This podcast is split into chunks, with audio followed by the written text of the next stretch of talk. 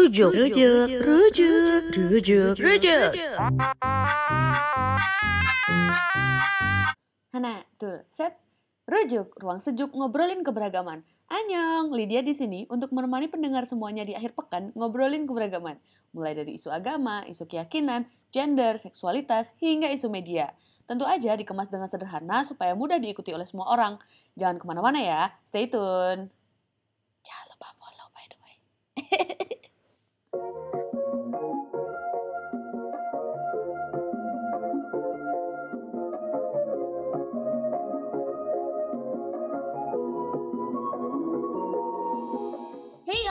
Selamat pagi, siang, sore, kapan pun kamu dengerin podcast ini. Selamat datang di episode terbaru, Rujuk Roh Sejuk Ngobrolin Keberagaman.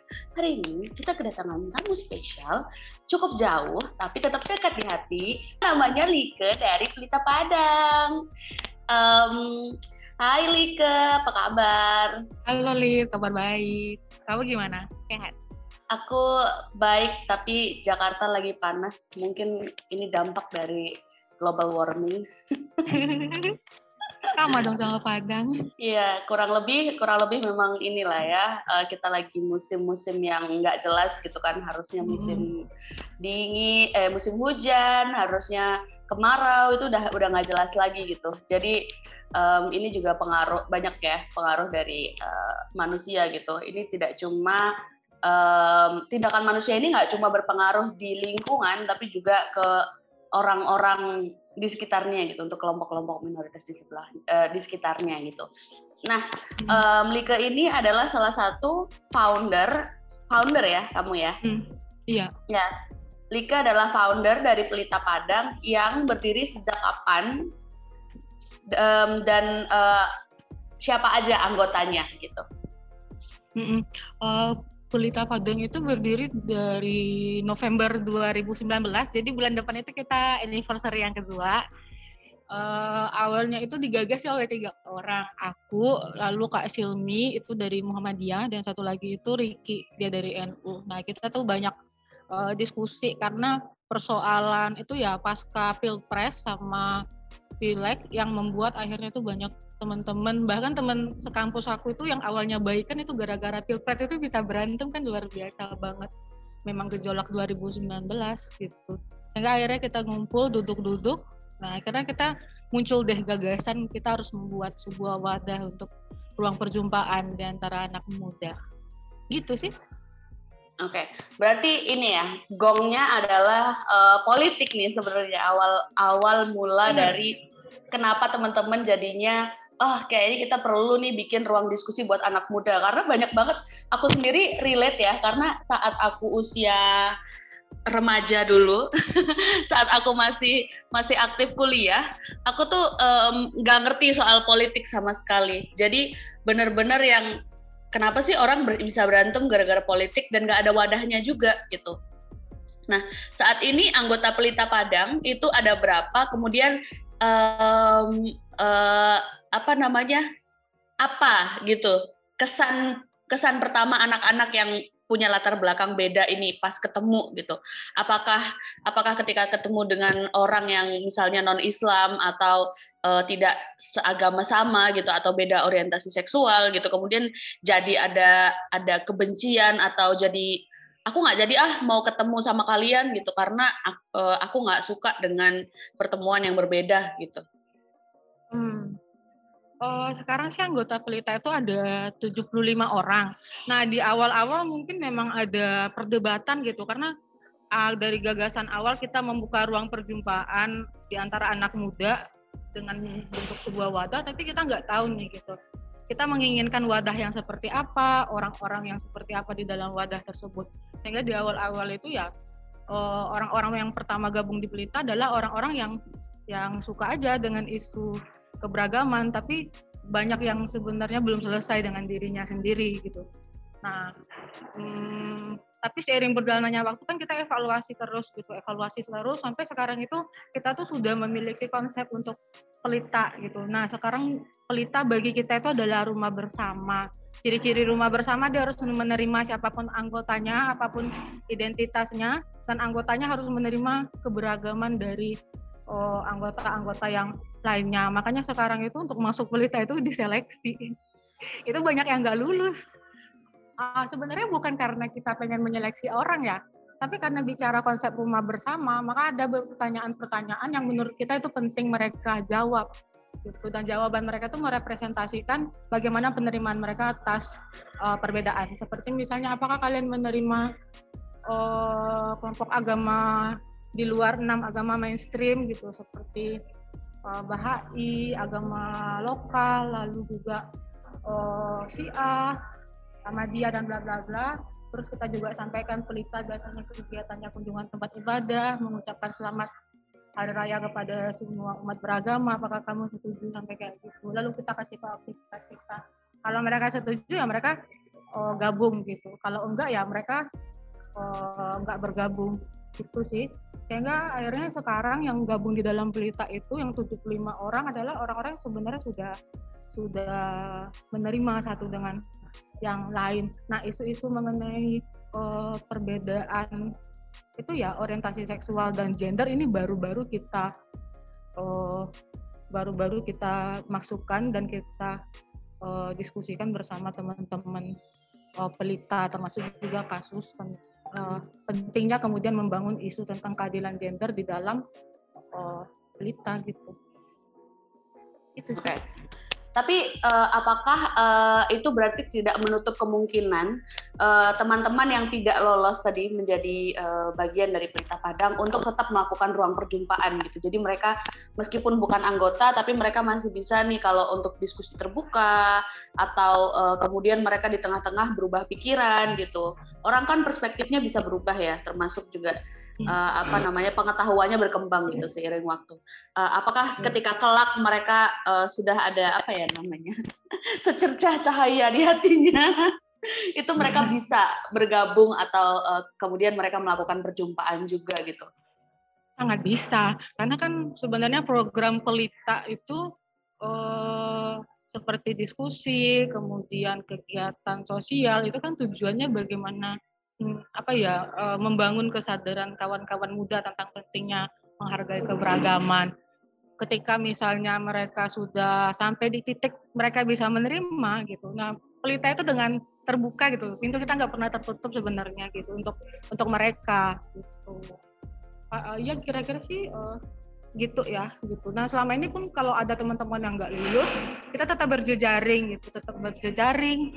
Dan biasanya sih yang tergabung oh, di Pelita itu dia juga punya komunitas lain selain Pelita. Nah, ketika dia nggak masuk Pelita, dia, kita tetap berjejaring dengan uh, komunitas uh, mereka gitu sih. Tapi kenapa pentingnya diseleksi ya? Karena persoalan rumah aman itu gitu. Karena di dalam Pelita itu banyak banget kelompok-kelompok rentan. Sehingga harapannya ketika yang masuk adalah orang-orang yang sudah betul-betul menerima dan memang datang untuk uh, tujuan menguatkan gitu sih. Jadi bukan diskriminasi ya. Ya, bisa dimengerti karena kan konsep dari rumah aman adalah tempat di mana kamu bisa mengenal uh, komunitas uh, menjadi diri sendiri gitu kan. Jadi kalau misalnya ada ada duri dalam daging yang uh, menyakiti itu kan sebaiknya memang tidak dilibatkan gitu. Tapi memang tidak menutup kemungkinan masih bisa berinteraksi gitu. Tapi memang uh, pelibatan dalam rumah aman dibatasi banget gitu. Dan itu bisa dimengerti ya. Uh, karena konsep rumah aman memang kayak gitu. Kemudian, hmm, aku tuh sebenarnya yang cukup menggelitik dari Padang, uh, yang membuat aku uh, tidak cuma tertarik dengan uh, apa yang dilakukan oleh teman-teman pelita Padang adalah beberapa isunya gitu. Salah satunya adalah isu tentang uh, kewajiban penggunaan hijab di sekolah negeri gitu di Padang. Nah itu um, terakhir terakhir kasusnya kan di Januari gitu. Tapi menurut kamu sendiri bagaimana kalau misalnya um, apakah sekarang masih tetap ada gitu kebijakan untuk uh, orang yang non Islam menggunakan jilbab atau memang sudah berhenti dan bagaimana pendapat kamu soal um, kewajiban yang nggak nggak masuk akal itu? Kalau misalnya masih sih masih ya gitu dan uh, kebanyakan masih seperti itu karena uh, Perda, Perwali, lalu uh, Perda Kabupaten itu belum dicabut gitu dan uh, HWR itu kemarin ada mereka kan juga ngeluncurin riset tentang saya ingin lari gitu, aku ingin lari. Nah, di situ kan juga melis ada banyak perda uh, ber, apa ya wajib menggunakan busana keagamaan dan Sumatera Barat itu jagoannya gitu, ada sembilan perda gitu. Dan sampai hari ini gitu.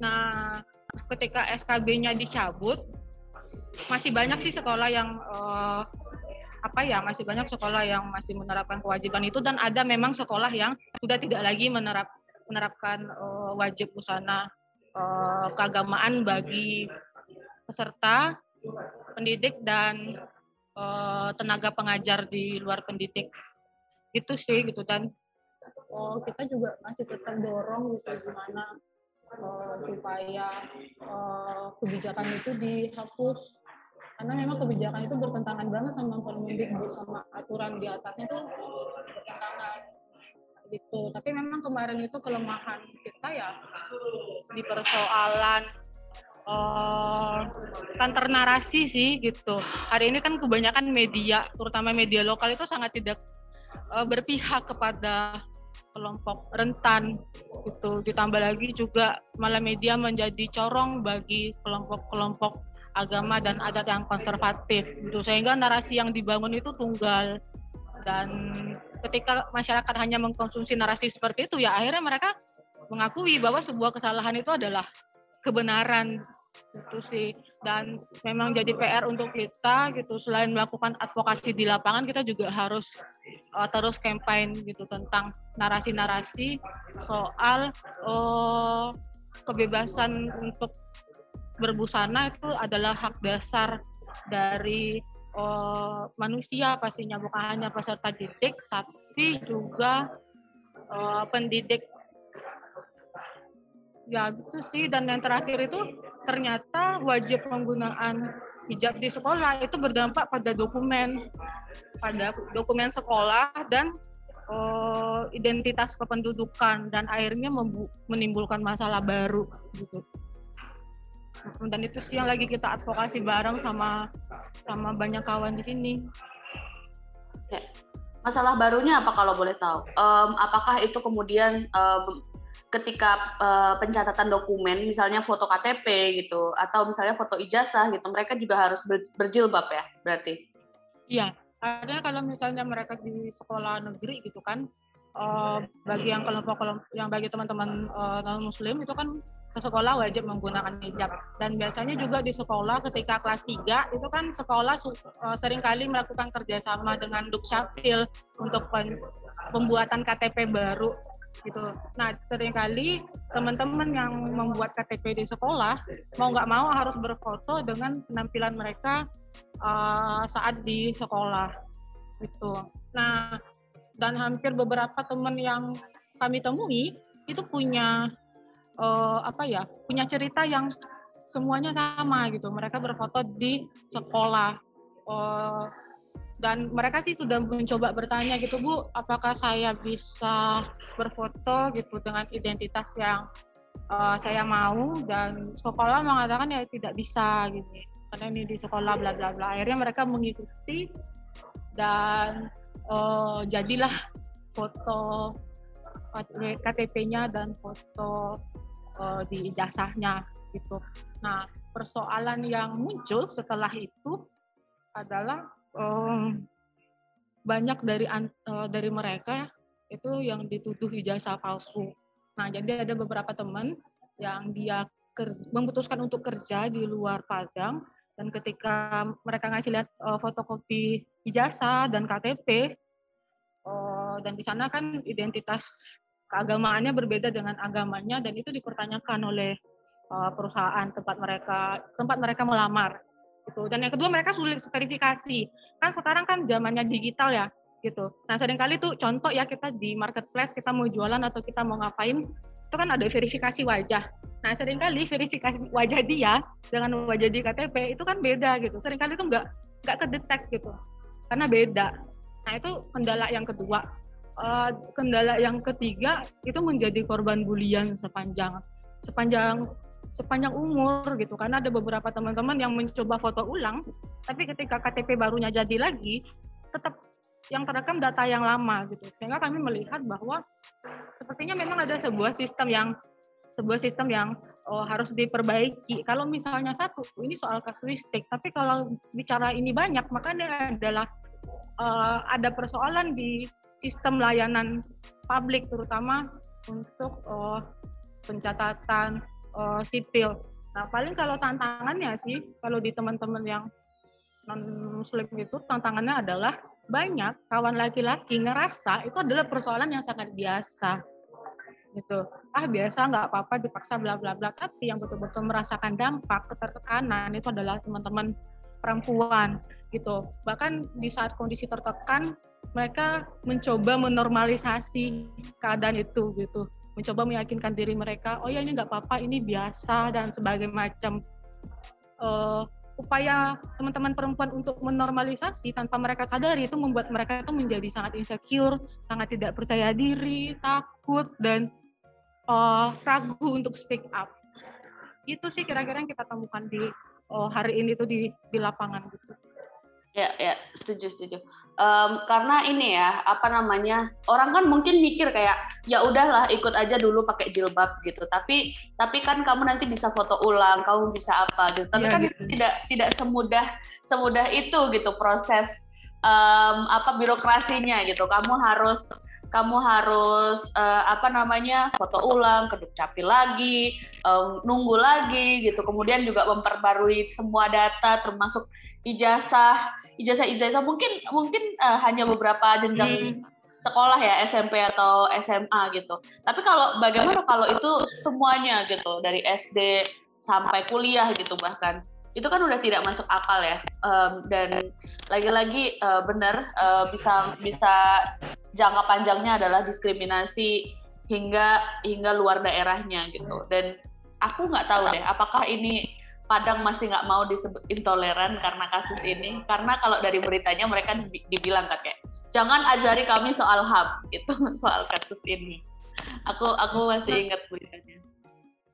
Nah uh, gini akhirnya kemarin aku kan diskusi juga nih dengan teman-teman ada yang mengatakan Padang intoleran dan sebagainya macam. Nah sering kali kita pun juga akhirnya melabeli melabeli identitas itu dengan sifat gitu padahal sebenarnya yang membuat Intoleran adalah beberapa kelompok orang yang uh, pengambilan pengambil kebijakan, orang-orang yang menjaj, membuat pengaruh di tengah masyarakat seperti tokoh adat dan tokoh agama. Nah, sebenarnya mereka yang membuat uh, Padang itu di framing uh, intoleran gitu. Karena kalau Padang itu adalah sebuah kota sih menurut aku gitu. Kalau dibilang yang intolerannya adalah uh, eh segini nih jadi kalau bagi aku, oh, kadang kita tuh memang harus meribetkan meribetkan penjelasan gitu. Karena kalau kita uh, menyederhanakan kata malah sebenarnya maksudnya nggak sampai. Aku setujunya adalah kota Padang memiliki kebijakan yang diskriminatif yang berdampak pada uh, tindakan tindakan intoleran yang dilakukan oleh bisa jadi pejabat negara, tokoh tokoh-tokoh adat, ataupun juga beberapa orang dan itu dibiarkan dan itu dibiarkan terjadi seperti itu sehingga seolah-olah kelompok besar punya hak lebih dan kelompok kecil harus ngalah kepada kelompok yang yang besar. Nah, sering kali uh, kemudian teman-teman yang di Padang itu nggak setuju gitu dengan diksi Padang intoleran karena ada beberapa teman di Pelita dia lahir di Padang dia orang Padang tapi dia nggak dia nggak intoleran. Kayaknya kan akhirnya jadi apa ya gitu jadi bias gitu. Kalau gitu sih maka kami itu dari Pelita Padang tuh kalau bicara soal intoleran kami akan menjelaskan panjang dan lebar gitu. Biar nggak biar kita nggak nggak terjebak dengan diksi-diksi seperti itu. Seperti diksi Jawa itu misalnya lamban Cina itu pelit gitu nah kayak kayak gitu sih gitu. Padahal nggak semua Cina pelit awan nggak pelit gitu sih. Oke oke. Ya.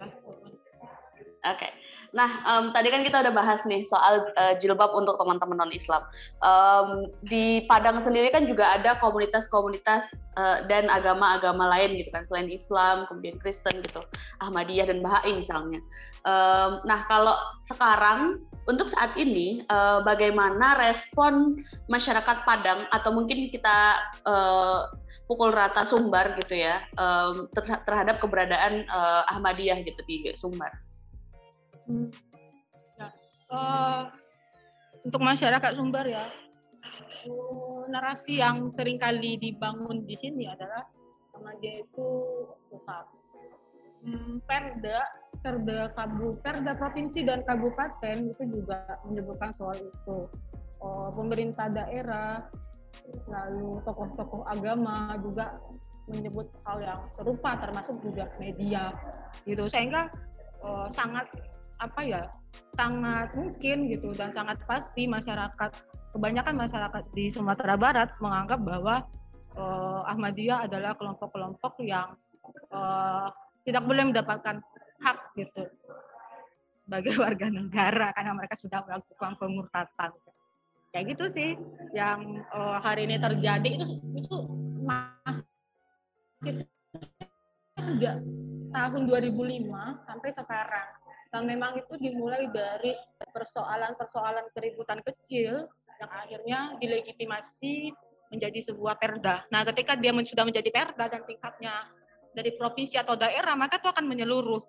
Kalau misalnya dulu kasuistik satu, tapi dengan adanya perda, peraturan daerah, apalagi peraturan nasional kan yang SKB 3 Menteri, itu yang akhirnya membuat uh, tindakan apa ya, tindakan tindakan diskriminatif dan toleran itu makin menyeluruh. Dan itu sih yang tahun 2019 dan akhirnya pun teman-teman pelita juga banyak belajar gitu. Apa yang kamu dengar di luar apa yang kamu baca selama ini itu ternyata tuh sama sekali nggak benar. Gitu. Dan seorang Ahmadiyah tetap manusia yang punya hak untuk itu hak untuk memilih dan menentukan keyakinannya dan punya hak untuk berbuat baik dan punya hak untuk membangun negara ini sebagai uh, warga negara gitu. Nah, dan sampai hari ini pun kita juga berusaha bagaimana mengurai stigma itu ya dan stereotip di tengah masyarakat. Bukan hanya Ahmadiyah sih tapi juga Bahai agama lokal. Nah agama lokal di Sumatera Barat itu kan ada rasa bulungan di uh, di Mentawai. Tapi ketika pada saat uh, Bakor Pakem dibentuk, agama uh, leluhur itu kan juga dihancurin gitu. Dan pada saat itu mereka dipaksa untuk memilih tiga agama yang ada di uh, di Sumbar pada saat itu.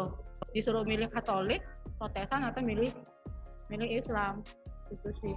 Dan uh, yang upaya yang dilakukan oleh teman-teman pelita ya selain kita membangun narasi di publik dan membangun kesadaran anak muda kita juga lagi mendekati teman-teman media gitu. Dan yang paling berat adalah mendekati teman-teman media gitu. Mereka adalah yang harusnya paling bertanggung jawab dan mereka harus uh, yang sebenarnya mereka sih yang harus merubah cara cara pandang dia karena framing mereka oh, di pemberitaan itu sangat uh, membuat itu sangat menentukan gitu bagaimana masyarakat melihat tentang kelompok-kelompok agama minoritas gitu. Kalau dulu mungkin koran, nah sekarang itu buat misalnya dari teman-teman jurnalis buat berita itu lima menit aja itu bisa dibaca sampai mungkin dari apa ya oh, sampai seluruh Indonesia gitu.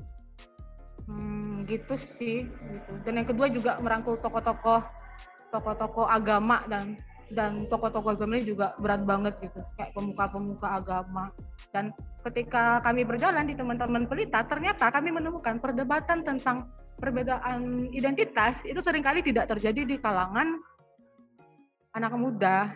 Malah sebenarnya akar masalahnya itu malah terjadi di antara pemuka agama dan mereka tuh Iya gitu. Dan mereka yang sebenarnya sulit untuk berdialog. Gitu sih kira-kira. Oke, okay, tapi um, setahuku di Padang ada Masjid Ahmadiyah yang cukup besar ya.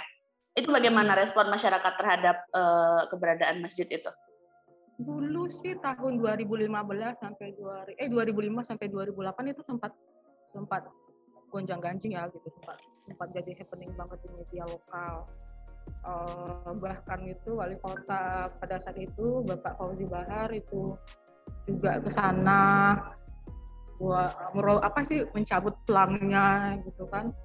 Dulu sempat heboh gitu bahkan saking hebohnya gitu uh, mamaku yang bukan muslim itu tahu gitu soal Ahmadiyah suka pakai sepatu ketika sholat terus kemudian uh, ketika masuk jejaknya di pel gitu bayangkan mamaku aja tahu gitu. Artinya isu-isu itu menyebar itu sangat sangat sangat luas. Padahal itu nggak benar gitu kan. Nah banyak orang-orang yang kemudian uh, percaya gitu dengan apa yang tidak dilihatnya dan diketahuinya. Dan itu sih yang terjadi. Dan sampai hari ini yang namanya stereotype itu masih ada gitu.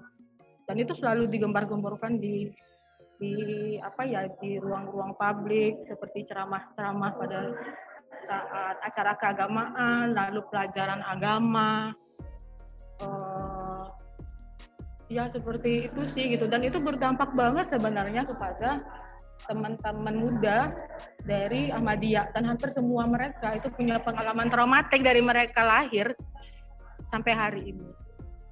Gitu sih. Berat memang. Aku dulu juga di persekusi. Um, bener aku dulu juga uh, waktu uh, di, masih di kampung maksudnya aku kan merantau dan uh, saat masih di kampung halamanku gitu uh, beberapa isu soal Ahmadiyah soal LDII gitu uh, teman-teman yang pokoknya non NU non Muhammadiyah gitu non Kristen juga apa bukan Kristen juga gitu.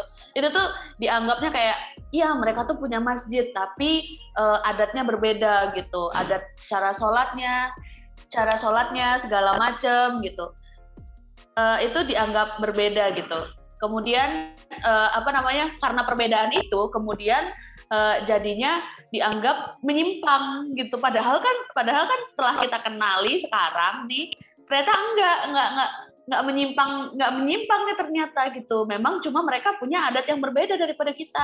Kan toh sama nih misalnya um, masjid mana punya tradisi yang berbeda dengan masjid yang lainnya gitu. Atau gereja satu punya uh, tradisi yang berbeda dengan uh, gereja yang lainnya gitu. Dan itu kan sebenarnya tidak bisa disalahkan ya gitu. Orang-orang ini emang susah nih menerima perbedaan. Nah karena kan sering kali itu orang sekarang beragama itu secara identitas gitu bukan secara nilai. Kalau secara nilai kan sebenarnya sangat universal banget ya. Antara manusia dan manusia. Itu sih. Ya. Nah, ini kan tadi sudah soal um, Ahmadiyah dan Bahai dan agama-agama minoritas gitu ya. Tapi kalau isu LGBT gimana nih di Padang? Karena rame banget nih kampus, kampus yang eh, Padang punya kampus yang terang-terangan nih menolak LGBT, LGBT dilarang masuk kampus. Ya, aku nggak mau, aku nggak mau nyebutin kampusnya ya, tapi tapi mungkin orang tahu gitu. Itu gimana tuh sekarang untuk sekarang kampusnya? Emang gitu sih kampus hari ini. Uh, tapi kalau kampus satu enggak. Malah kalau transfer itu boleh kuliah gitu dan punya hak yang sama. Jadi mau kamu berbuku atau bukan punya ekspresi yang berbeda ya silakan aja kalau kampus-kampus. Tapi emang kampus-kampus yang lain itu juga uh, yang hari ini ya bahkan tuh kampus-kampus besar itu membuat pernyataan untuk menolak terang-terangan gitu. Uh, dan itu tuh sebenarnya sangat bertentangan gitu kan dengan Undang-Undang Dasar 45 lalu dengan semangat dunia pendidikan yang harusnya membuat kita merdeka hmm, dan itu sih sebenarnya yang terjadi terjadi hari ini gitu gitu malah hari ini tuh kampus itu menjadi tempat yang sangat tidak tidak inklusi bagi keberagaman uh, seksual dan gender. Kalau bicara kita penerimaan atas keberagaman, artinya kan kita nggak boleh bias. Kita nggak bisa hanya menerima satu identitas saja, gitu. Kita tidak hanya bisa menerima perbedaan suku dan agama, tapi kita juga harus bisa menerima perbedaan-perbedaan yang, yang lain. Itu sebenarnya sih catatan yang sangat penting bagi uh, bagi dunia pendidikan hari ini, institusi pendidikan hari ini di di Sumatera Barat khususnya Kota Padang. Pertanyaannya kenapa mereka bisa menjadi seperti itu? Kenapa pengambilan kebijakannya bisa kayak gitu? Ditarik lagi ke belakang gitu. Mereka adalah orang-orang beragama yang lahir dari uh, apa ya dari komunitas keagamaan yang punya tafsir buruk terhadap kelompok-kelompok minoritas seksual dan gender gitu. Artinya tafsir-tafsir buruk tentang uh, keberagaman orientasi seksual dan gender itu itu berdampak gitu. Pada mindset si pengambil kebijakan. Gitu sih. Dan memang hari ini pun untuk di Sumatera Barat ya gitu sangat tidak ada, bukan sangat tidak ada emang nggak ada gitu eh, kelompok-kelompok uh, yang uh, menarasikan agama itu dengan lebih humanis gitu loh belum ada makanya salah satu PR dari Polita itu kita juga punya challenge bagaimana kita juga harus mendorong uh, lahirnya tafsir-tafsir agama yang pro terhadap semua keberagaman gitu. Kalau semua berarti bukan hanya beda agama dan beda suku aja gitu, tapi perbedaan-perbedaan yang lain. Maksud perbedaan orientasi seksual dan gender. Nah, uh, di pendidikan kemarin kita tuh mulai mendiskusikan soal SOGI SC dan mengurai stigma HIV AIDS dan itu heboh banget. Heboh banget gitu kan. Karena nggak biasa nih ada narasi baru gitu. Setelah sekian lama mereka hidup sebagai manusia hingga hari ini gitu. Baru kemarin itu mendiskusikan hal yang berbeda. Dan itu terjadi pro dan kontra. Akhirnya dari pro dan kontra itu eh, kita menemukan sebuah titik gitu. Yang disepakati dengan teman-teman. Kita boleh berbeda secara pandangan tapi setiap kita punya hak untuk hidup dan punya hak untuk berbuat baik. Dan yang kedua, apa pun perbedaan keberagaman yang belum bisa kita terima, jangan sekali-kali mengambil hak prerogatifnya Tuhan. Nah, kesalahan manusia termasuk umat beragama gitu. Saking uh, berimannya gitu sampai mereka uh, lupa bahwa yang memiliki hak untuk menentukan dan menghakimi itu adalah Tuhan bukan mereka. Nah gitu sih gitu dan itu sudah dimulai juga di teman-teman teman-teman pelita gitu dengan harapannya kalau bicara maka kan yang uh, diskursus yang dimunculkan di teman-teman pelita adalah ketika kita yakin ini adalah rumah bersama, ketika kita sudah bisa menerima perbedaan suku dan agama dengan sangat baik, jalan berikutnya adalah bisakah kita menerima keberagaman yang lebih luas dengan se inklusi kita menerima perbedaan suku dan agama gitu dan aku pikir ini juga uh, memang harus di apa ya terus didiskusikan di dalam teman-teman pelita gitu. Karena ketika nggak didiskusikan ini akan jadi bias gitu. Karena ini kan jadi efek refleksi juga ya gitu di Padang kemarin kenapa SKB tiga menteri itu banyak ditolak oleh beberapa teman-teman yang juga menjadi penggiat HAM karena sering kali persoalan hak asasi kebebasan beragama itu dianggap terpisah dari persoalan keadilan gender. Padahal sebenarnya itu tidak tidak terpisah gitu loh. Sebenarnya itu tidak terpisah dan itu saling dan saling berhubungan gitu. Jadi jangan sampai pelita kemudian mendukung kebebasan beragama, tapi kemudian membatasi kebebasan beragama dan berkeyakinan bagi kelompok-kelompok minoritas orientasi seksual dan dan gender gitu. Nah kita uh, lagi fokus juga membahas itu di teman-teman internal bersama kawan-kawan Akbar gitu. Biar nanti teman-teman berita nggak jadi nggak malah jadi bumerang gitu bang. Gitu sih kira-kira. Ya, setuju.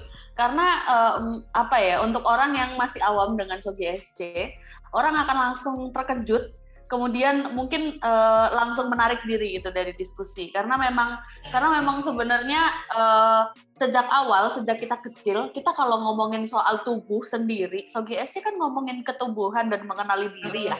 Geli uh, gitu. iya karena kita nggak terbiasa. Kita aja bilang penis vagina itu kan nggak terbiasa ya. Jadi jadi memang uh, respon yang sangat uh, wajar ketika orang tahu apa itu Sogi SC terus kemudian mereka kaget heboh dan segala macam gitu tapi um, ketika kemudian mereka akhirnya bisa uh, menghilangkan tabu itu atau mengesampingkan hal-hal yang tabu itu um, jadinya nanti uh, apa namanya mereka bisa tuh mulai menerima um, uh, apa pelajaran soal Sogi SC gitu. Nah, um, tapi kalau selama ini uh, untuk teman-teman di Pelita Padang atau untuk teman-teman yang uh, bekerja dengan uh, Pelita Padang gitu, ketika ketemu dengan LGBT pertama kali apa nih pikirannya? Ketemu ya, jadi bukan bukan lagi belajar soal Sogi SC. Ketemu.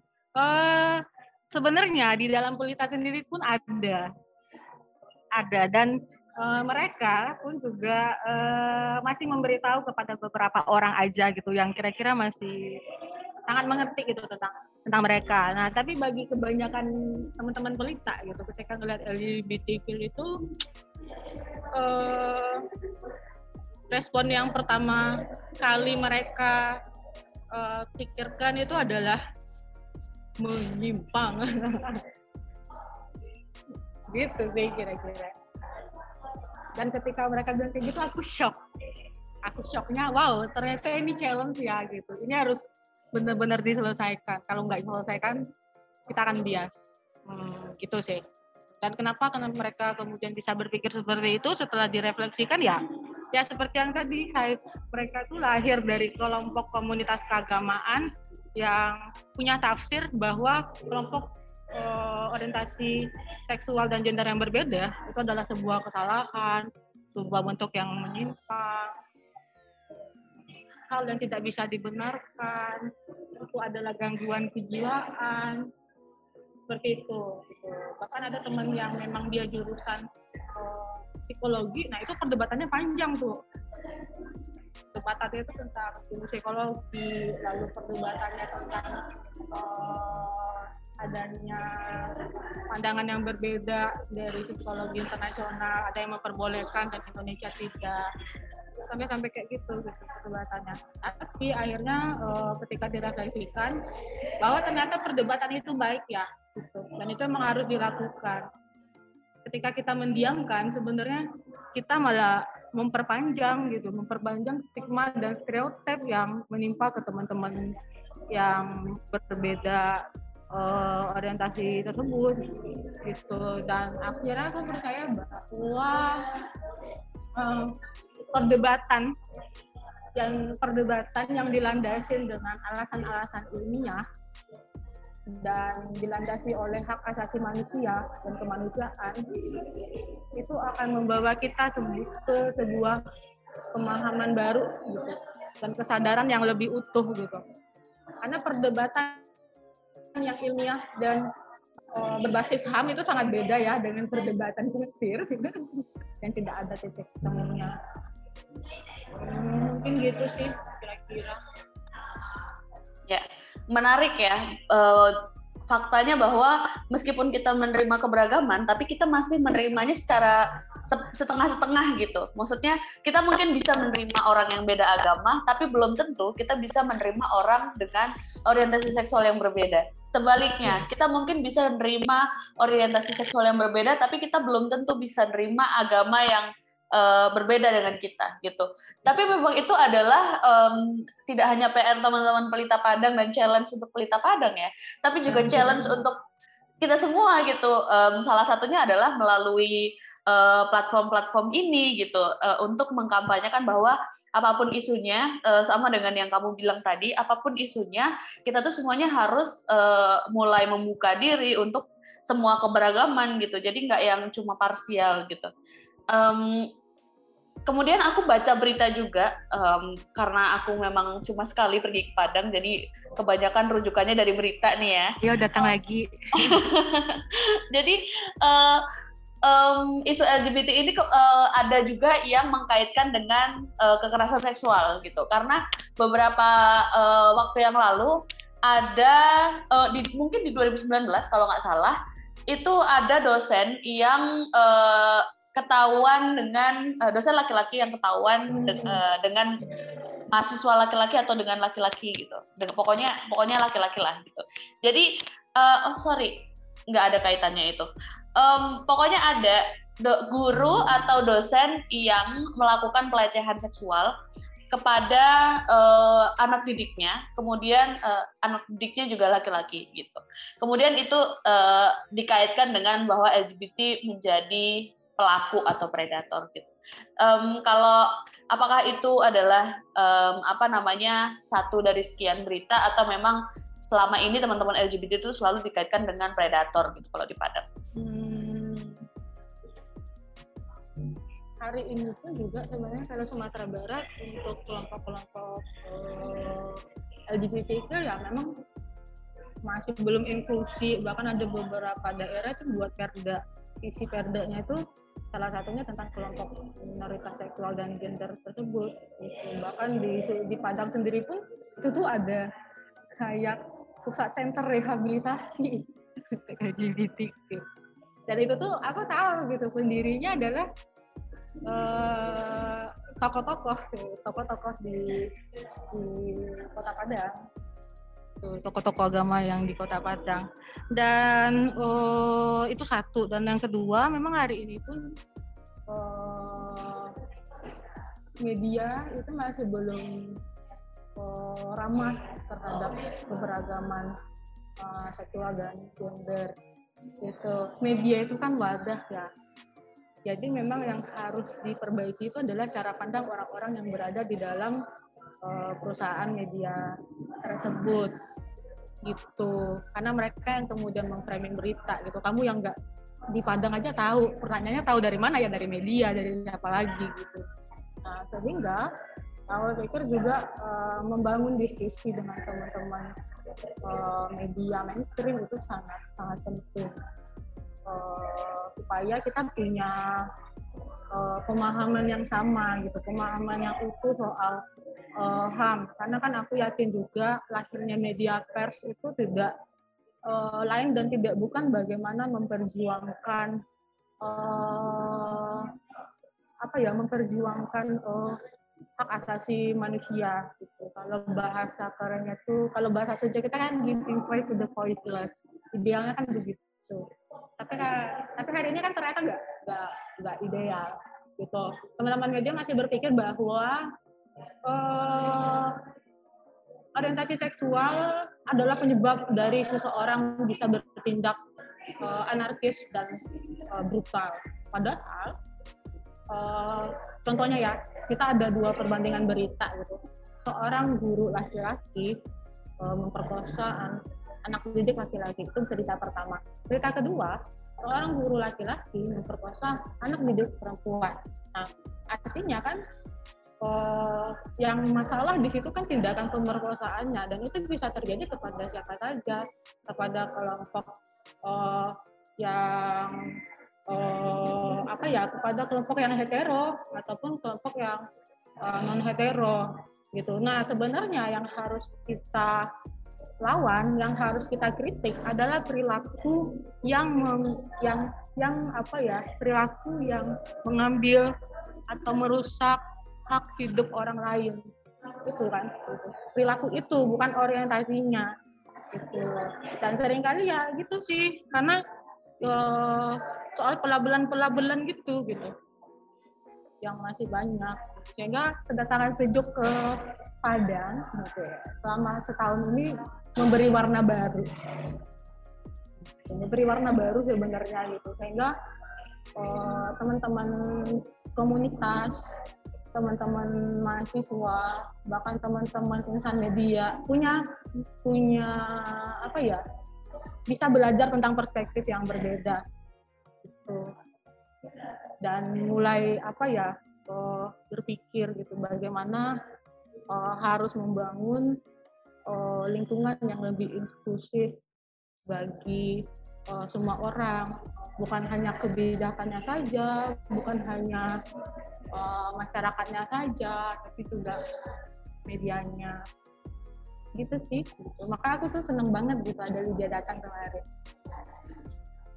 uh, kalau di Padang sendiri ada nggak sebenarnya uh, isu yang luput dari perhatian masyarakat Indonesia gitu? Dan sebenarnya perlu diangkat gitu karena uh, mungkin isu ini uh, buat orang Padang itu adalah isu yang uh, selalu terjadi atau uh, harus harus segera diselesaikan gitu. Tapi orang-orang tuh nggak tahu gitu. Kayak misalnya isu uh, isu uh, jilbab untuk non Islam gitu kan tidak banyak yang tahu ya. Tapi um, sekalinya tahu ya udah lama gitu Nah itu ada nggak kalau isu-isu yang kayak gitu? Banyak banget sih, terutama isu-isu kelompok kelompok-kelompok rentan. Mulai dari minoritas agama, minoritas suku, sampai minoritas orientasi seksual dan gender, ke teman-teman disabilitas yang hari ini tuh juga masih sangat luput dari uh, dari pemberitaan itu sih. Uh -uh itu karena yang bertanggung jawab membuat isu ini menyebar sampai ke nasional dan internasional itu ya pasti teman-teman pekerja media gitu sih. Itu sih. Oke. Okay. oh, oh. Um, kalau kalau selama ini teman-teman pelita padang itu gimana cara melakukan perjumpaannya? Ini kan pandemi nih. Misalnya apakah ada ada kampanye online atau uh, karena apa namanya karena mungkin udah level yang tidak harus apa namanya tidak harus uh, bukan level 4 gitu ya yang yang yang melarang teman-teman untuk uh, berinteraksi gitu. Jadi uh, kalau udah level 3, level 2 gitu udah boleh melakukan perjumpaan offline gitu atau gimana? Aku jawabnya jujur atau jujur dong. Jadi pelita itu sejak dia berdiri November, berdirinya pelita itu langsung dimulai dengan kasus pelarangan Natal di Darmasraya Cibungkung Desember 2019. Jadi satu bulan kita berdiri itu langsung bertemu dengan kasus yang begitu besar. Tidak lama setelah itu langsung masuk pandemi kan, awalnya itu PSBB. Hmm, sebenarnya pelita itu kalau misalnya awal-awal itu ya PSBB yang nggak bisa ketemu ya biasanya sih kita uh, rapatnya via daring.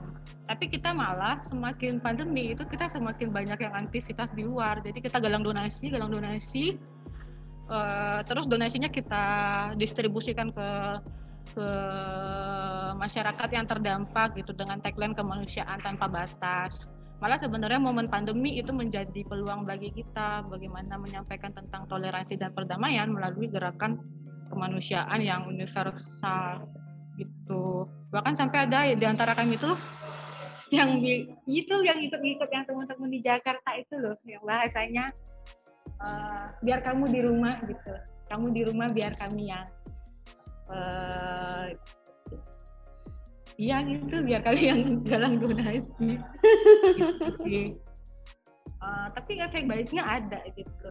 Efek baiknya kami tuh selalu keluar uh, menggalang donasi mendistribusikan donasi memang dengan identitas keagam apa ya dengan identitas lembaga yang punya agama beragam yang anggotanya punya agama beragam dan distribusinya juga untuk orang yang beragam gitu sehingga tuh malah responnya baik.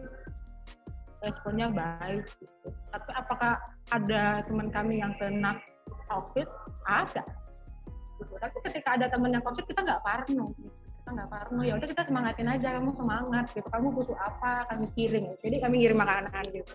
Akhirnya teman yang sakit ya yang makin semangat gitu kan. Karena ternyata teman yang terdel yang kena ter suspek covid itu ketika makin dikhawatirin dia makin makin insecure dengan dirinya. Eh gitu itu aku ya, itu teman-teman pelita yang sering kali dibilang bandel. Banyak itu yang bandel dan segala macam. Akhirnya ya yang bisa kami pastikan ya protokol sih. Ngikutin protokol. Oh, kemudian bagaimana kita punya respon cepat gitu ketika ada teman-teman yang terdampak atau keluarga terdekat yang uh, yang terdampak gitu. Jadi hingga hari ini pun kita tetap melakukan itu gitu kan. Ternyata makin lama itu makin luas. Kalau dua tahun yang lalu, eh kalau awal 2010, 2020 kemarin kita hanya bagi sembako, dan sekarang itu malah kita sampai ke vaksinasi rutin Senin Kamis. Senin Kamis, dan sekarang itu kita juga ada peminjaman tabung oksigen untuk yang terdampak COVID dan sekarang karena Padang itu ppkm-nya udah nurun, maka untuk peminjaman tabung oksigen itu terbuka luas bukan hanya untuk teman-teman yang tersuspek COVID, tapi juga untuk teman-teman yang TB, lalu kawan-kawan yang membutuhkan oksigen itu untuk oh, orang-orang lansia. Kan beberapa kali membutuhkan itu. Gitu. Malah sebenarnya sekarang itu donasi itu menimpa ruah gitu kan. Saking banyak itu kita bingung gitu. Ke mana mau dibagiin. Itu sih oh, seperti misalnya ke panti lalu terakhir kemarin teman-teman Makindo juga oh, ngasih donasi untuk dibagiin ke anak-anak yang oh, terdampak gitu. Untuk bantuan uh, kuota belajar. Uh, seperti itu sih gitu. Dan akhirnya pelita berpikir bahwa gerakan kemanusiaan uh, itu bukan hanya sekedar kita membangun narasi tentang perdamaian dan toleransi, tapi juga sebagai ajang konsolidasi, konsolidasi antar jaringan, bahkan konsolidasi ke teman-teman yang ya punya punya rasa yang sama, tapi belum terjangkit dengan dengan kita. Itu sih kira-kira. Tapi kalau Yuni itu, karena aku sering banget tuh ketemu sama sama Mas Poli. Nah mereka tuh bilang berita Padang itu bandel ya gitu, gitu sih.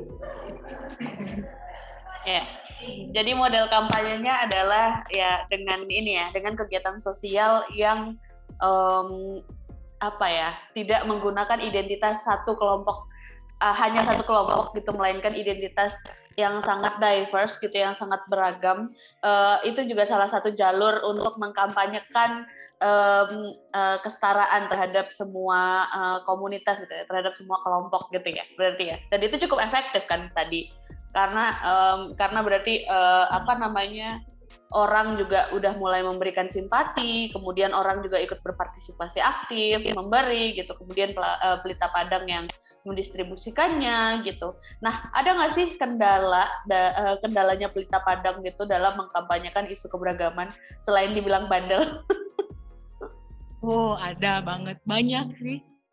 Hmm, akhirnya jadi kendalanya itu bukan hanya dari teman-teman yang minoritas, tapi juga teman-teman yang mayoritas.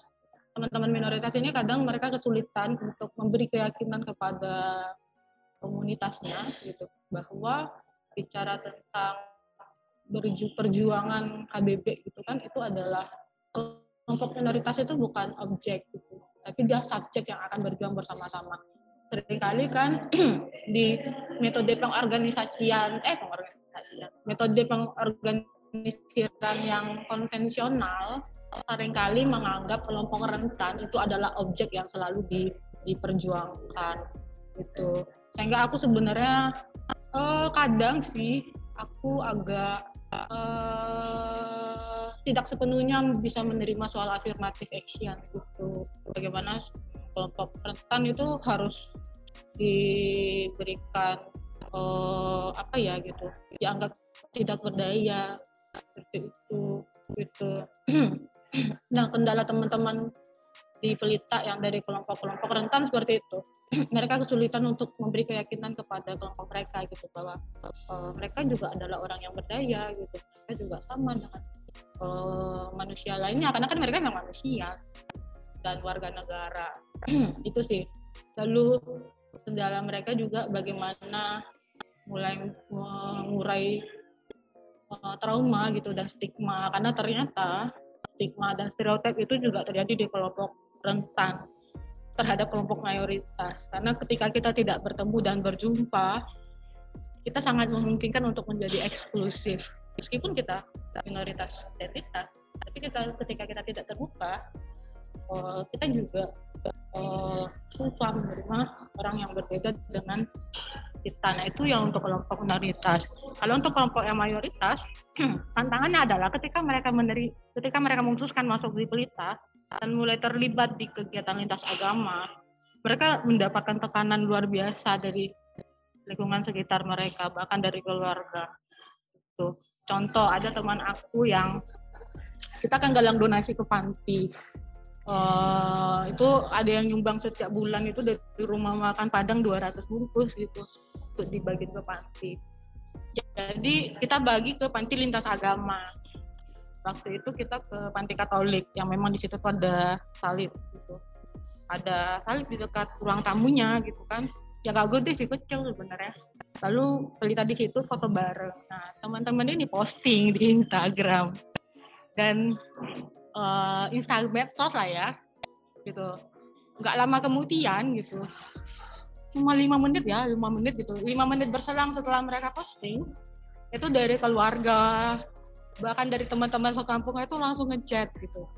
Langsung gitu nuduh dia gitu tidak agama murtad dan sebagainya macam. Nah dia berusaha menjelaskan tapi tetap juga nggak susah gitu untuk memberikan oh, pemahaman. Nah akhirnya teman-teman yang dari kelompok mayoritas itu oh, berpikir dua kali untuk campaign media melalui medsos sendiri.